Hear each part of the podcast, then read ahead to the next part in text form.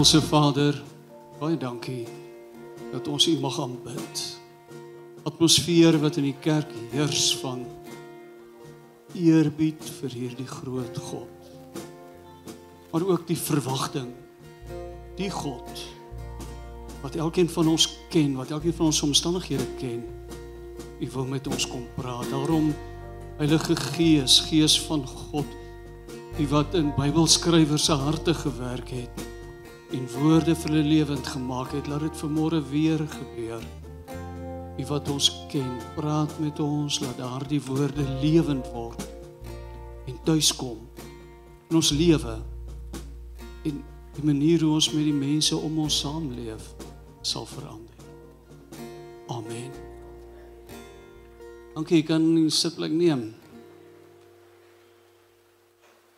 Baie dankie aan die musikante onder leiding van Jacques. Ek dink 'n aanbiddingsdeel van 'n erediens slaag as ons by die Here uitkom. En in 'n belangrike sin slaag dit as elkeen van ons deelneem, nê. Nee. Om nie sit en wag dat die vuur van voor val nie, laat die vuur van agter af val. Werk net so goed. Welkom terug aan pastoor Bertout en sy vrou wat by hulle kinders gaan kuier het oor die water. Ja, ons dink aan Walter na sy dokter Walter na sy operasietjie gister ook. Amos 5. We môre na twee skrifgedeeltes verwys Amos en Filippense 2. As jy Bybel byderhand het, is jy baie welkom om saam te lees. Onthou as ons die Ou Testament, as ons die Nuwe Testament ook lees, ons is nie die mense van daai tyd nie. Um, Dit lyk heeltemal anders. Israel bestaan nie meer nie, Babilonië, die wêreldmag Assirië wat dit vooraf gegaan het, bestaan nie meer nie, maar tog praat die Here met ons. En hy verkies dikwels, miskien primêr om dit uit die Bybel te doen. Natuurlik nie die enigste manier nie. God werk in ons harte. Ons kan nie vir hom voorskryf watter insigte hy in ons harte moet bring nie. Ons kan net versigtig wees om kennis te neem daarvan. Dalk is daar ook vermoere 'n les uit Amos se prediking te leer. Nou Amos het in die beste tyd van die noordelike koninkryk regeer. Nou die suidelike en die noordelike koninkryk skeur na Salomo se dood en die noordelike ryk gaan saam met Jerobeam. Hulle vat hulle goed en dis die grootste deel van die land en dis die grootste 10 stamme. Dis maar 2 en 'n half stamme wat agterbly dan 9 en 'n half stamme bo. En Jerobeam se klein seun is Jerobeam 2. Hy regeer 'n geweldige lang tyd. In sy tyd beleef die land 'n baie besondere welvaart. Hulle het nie eksterne vyande nie. Die bietjie wat hulle het is die wêreldmagte ongelukkig lê die grondgebied van Israel so tussen Assirië en Egipte. En so nou en dan het die twee wêreldmagte mekaar die stryd aangesê en dan trap hulle op die kleintjies op pad na mekaar toe. En Israel het 'n hele paar keer daaronder deur geloop. Ekonomiese welvaart, politieke stabiliteit. En in hierdie tyd kom daar 'n nat kombers op die toneel. Amos wat vir mense in hulle grootste voorspoed kom sê julle is godsdienstig sonder God. En daarin lê 'n woord wat wat ons dalk moet hoor.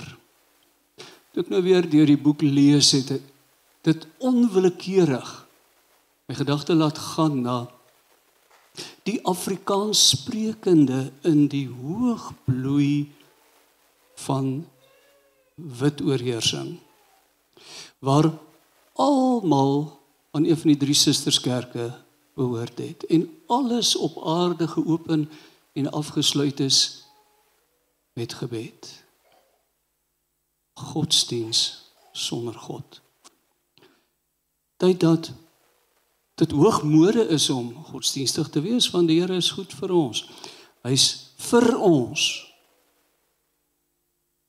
En al wat moet gebeur is die dag van die Here moet kom dat hy Assirië en Egipte ook aan ons onderwerp. Hoor dan wat sê Amos hieroor. Amos 5 vers 18. Daar wag 'n ontnugtering op julle wat uitsien na die dag van die Here. Daarom wens julle dat die dag van die Here moet kom. Dit gaan 'n donker dag wees. Nie 'n dag van lig nie. Dit sal wees soos wanneer iemand soos iemand wat weghardloop vir 'n leeu maar hom vasloop teen 'n beer. En wanneer hy by die huis kom en sy hand leun teen die muur, word hy deur 'n slang gepik. Die dag van die Here sal 'n donker dag wees sonder enige lig van hoop. 'n Somber en uitsiglose dag. Nou ek hoef nou nie veel verder te lees nie, dan gaan u nou verstaan hoekom Amos nou nie die jaarlikse gewildheidskompetisie onder die Israeliete gewen het nie en hoekom hy dikwels moes wegkruip om te keer dat hulle nie vir hom in die hande kry en dit 'n donker en somber dag vir hom maak nie. Hoekom? Hoekom hierdie harde woorde aan 'n volk wat God uitgekies het en in die land, die beloofde land bly waar die Here hulle seën. Vers 7. Julle verdraai die reg tot onreg. Plaas van reg op te tree doen julle doelbewus die verkeerde in plaas van waarheid praat leef die leuen in julle mond. Vers 11. Julle haat eerlike regters vers 10 julle haat eerlike regters julle verafskie mense wat die waarheid praat julle vertrap die armes julle deel julle eis 'n deel van hulle graan. Julle onderdruk goeie mense deur omkoopgeld te eis. Julle ontneem die armes van hulle reg in die howe. Sien nie waarheen is is die profeet op pad. Hy sê julle is godsdienstig. Maar mens sien dit nie in die manier waarop jy lewe nie. Jy sien ek ons sien dit nie in die manier waarop jy lewe nie. Hierdie storie van die armes deel in Israel was daar 'n baie gawe beleid gewees vasgelê in die Ou Testament dat die armes van die die armstes van die armes die reg het om 'n deel van die oes vir hulle self te vat, natuurlik net soveel as wat hulle nodig het. En nou dit die mense wat baie het geïrriteer en dan vat hulle nog 'n deel van dit wat die armes vir hulle self vat om van te leef af. En dis wat veroordeel word. Dis duidelik dat hierdie 'n woord aan kerkmense is. Trouwens, maar wat sê die Here van hierdie volk? se byeenkomste, hulle kerkdienste. Vers 21 ek haat. Ek verafskuw julle feeste. Geen vind geen plesier in julle samekomste nie. Ek sal nie julle brandoffers en graanoffers aanvaar nie. Ek sal my nie eers stuur aan die vetgemaakte diere wat julle as offers bring nie. Hou op om prysliedere te sing, dis net 'n geraas. Ek sal ook nie na die melodieë van julle harpe luister nie kom ons sê nou maar in moderne terme na julle kitare se lawaai luister nie. Waarin lê die uitkoms? Vers 24. Die hoogtepunt van dit alles. Ek wil liewer 'n vloed van regverdigheid sien. 'n Eerlike leefwyse soos 'n stroom water wat nie ophou vloei nie regverdigheid om reg op te tree toe te laat dat jou gewete en jou hart jou lei om aan ander mense dieselfde waardigheid te ag en toe te ken dieselfde respek vir hulle te hê en op dieselfde manier hulle belange te dien as wat 'n mens jou eie dien regverdigheid, eerlikheid. Ja. Die mense met wie Amos praat is baie duidelik gelowiges. En hou nie van sy woord nie. Dis 'n woord van veroordeling want hy waarsku hulle teen 'n daadwerklike gevaar dat godsdienst sonder God kan raak. En dat dit gebeur as 'n mens al die regte dinge sê maar dit vat nie grond in 'n mens se lewe nie. Dit kom nie by die doen daarvan uit nie. Miskien is dit goed as as ek en u ook hierdie woord opnuut hoor. Dit kan 'n gevaar wees dat 'n mens kerk hou ek sê hierdie glad nie veroordelend nie, maar die klimaat waarin ek werk word alles op aarde met gebed geopen en afgesluit. Daar's eredienste by baie geleenthede. Dan vra ek altyd myself, maar hoe, maklik is dit nie wat ons doen om in 'n vorm te verval nie, dat 'n mens die hart van dit waarmee jy besig is as jy met die Here besig is kan verloor. Dat 'n mens al die regte dinge sê en jou gewete troos maar dalk al die tyd besig is om met jou lewe te vloek teen wat jou mond voor die Here sê. Ja dis so. Sonder die kruis is Christene sondaars Ons gaan nie vir 'n oomblik sê Christene is beter as ander mense nie.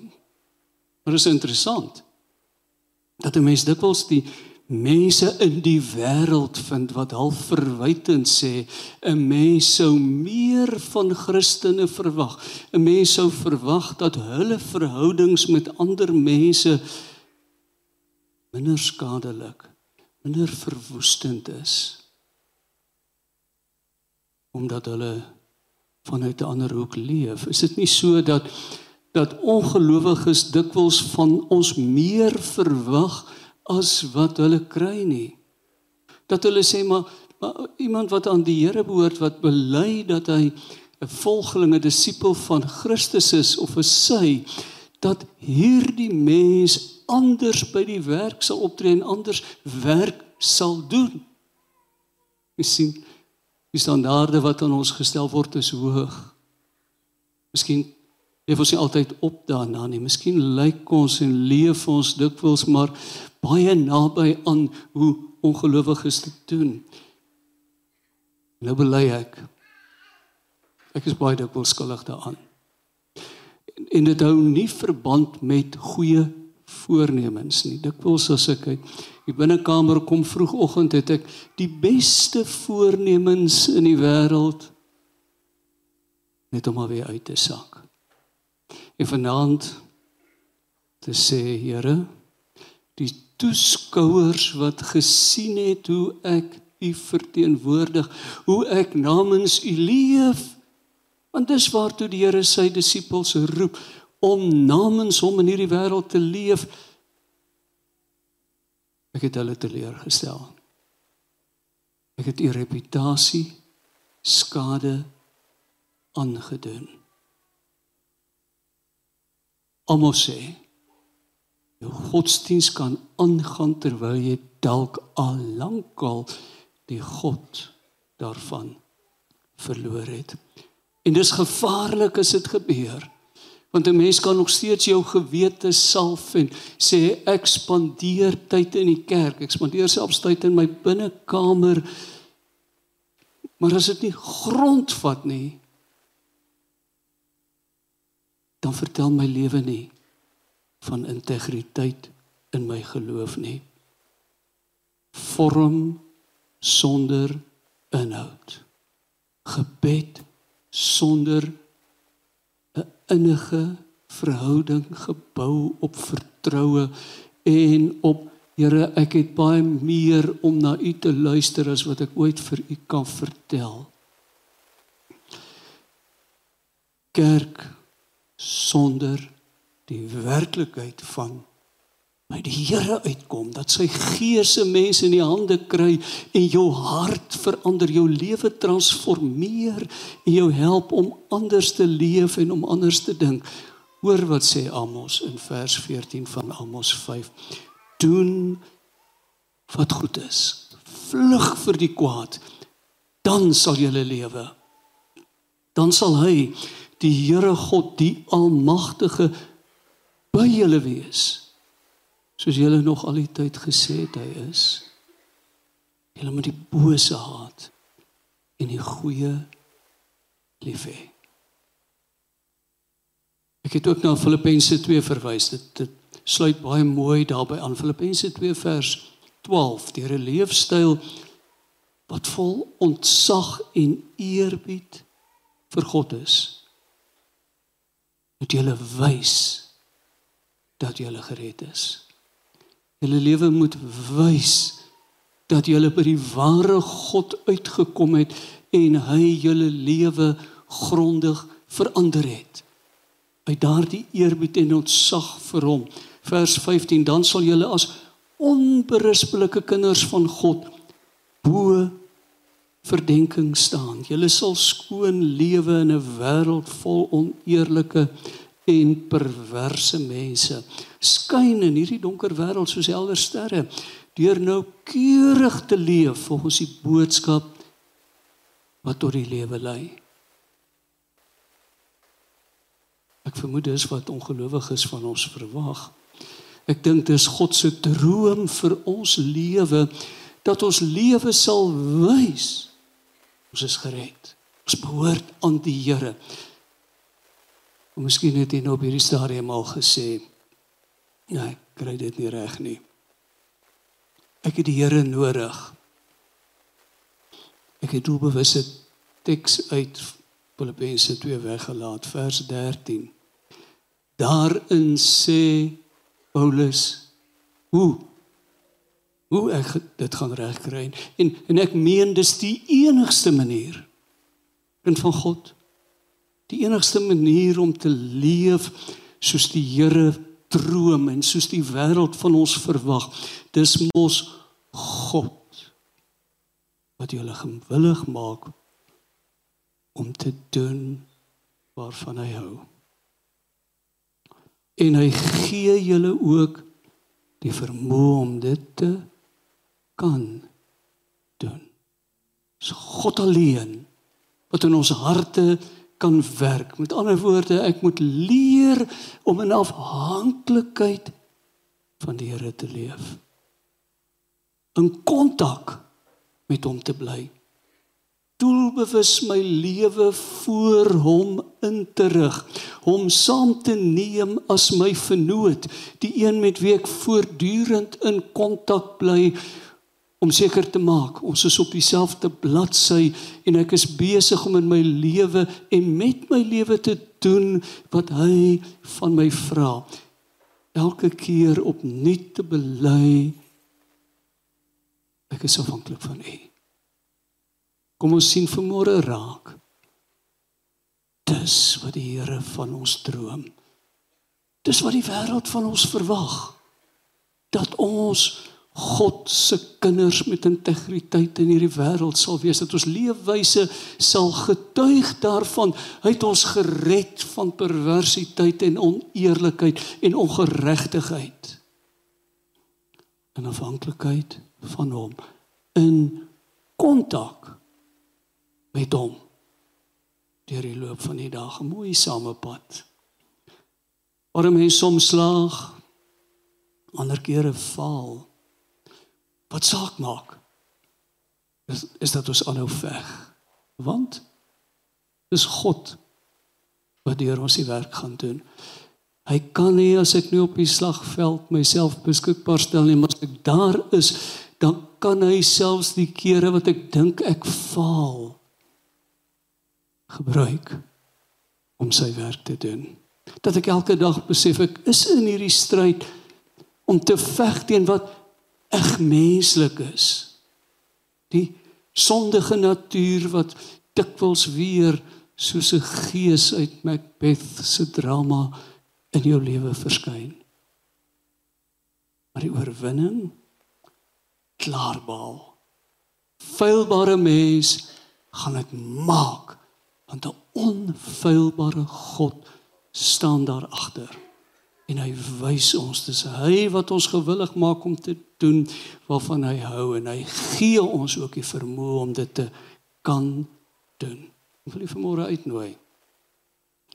Deel van hierdie weermag te bly of te word van mense wat hulle beste vir die Here gee deur die manier waarop ons leef wat ons lewenswyse inrig om 'n verskil te gaan maak.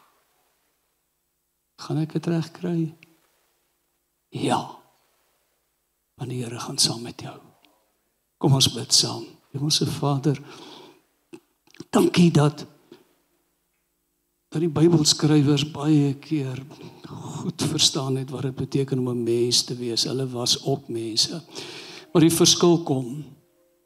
Hulle het iets van u hart daarmee saam verstaan. Almal wat 'n harde boodskap vir 'n volk het. Ongelukkig het hulle nie gehoor nie. 25 jaar na sy dood het Assirië oor Israel geloop. Daar het nie 'n steen op 'n ander bly staan nie. En het niks niks van hierdie volk agtergebly nie. God het die uitverkore volk agtergelaat en met ander voortgegaan. Godsdienst sonder God bewaar ons daarvan, Here, dat ons hart in ons godsdienst sal bly. Dat rotine nie sal woeker soos onkruid om ons eredienste, ons belewenis van aanbidding, om ons stilte tyd om ons kontak met u te besoedel nie. Maar dat u gees elke keer opnuut in ons sal beweeg en dan ook met ons sal praat, ons lei en ons heilig maak. Genade dis waarvoor ons bid om ons lewenswyse in lyn te bring met wat u van ons verwag. Dankie dat ons dit kan met u aan ons sy. Dat ons hier 'n dag uit die geveg sal wegdros nie. Maar môre vir môre opstaan en aanmeld. Vandag beklei ek aan die Here se kant. Party dae teen myself, maar aan die Here se kant en met die wysheid en die genade wat u gee, ontslap ek vanaand in die wete Die oorwinning is verseker. Ek baklei in 'n oorlog wat eintlik klaar gewen is. Ek is maar net besig om saam met die Here die rommel op te ruim wat die vyand wat verslaan is agtergelaat het. Dankie daarvoor in Jesus se naam. Amen. Mag dit 'n mooi dag wees en mooi loop.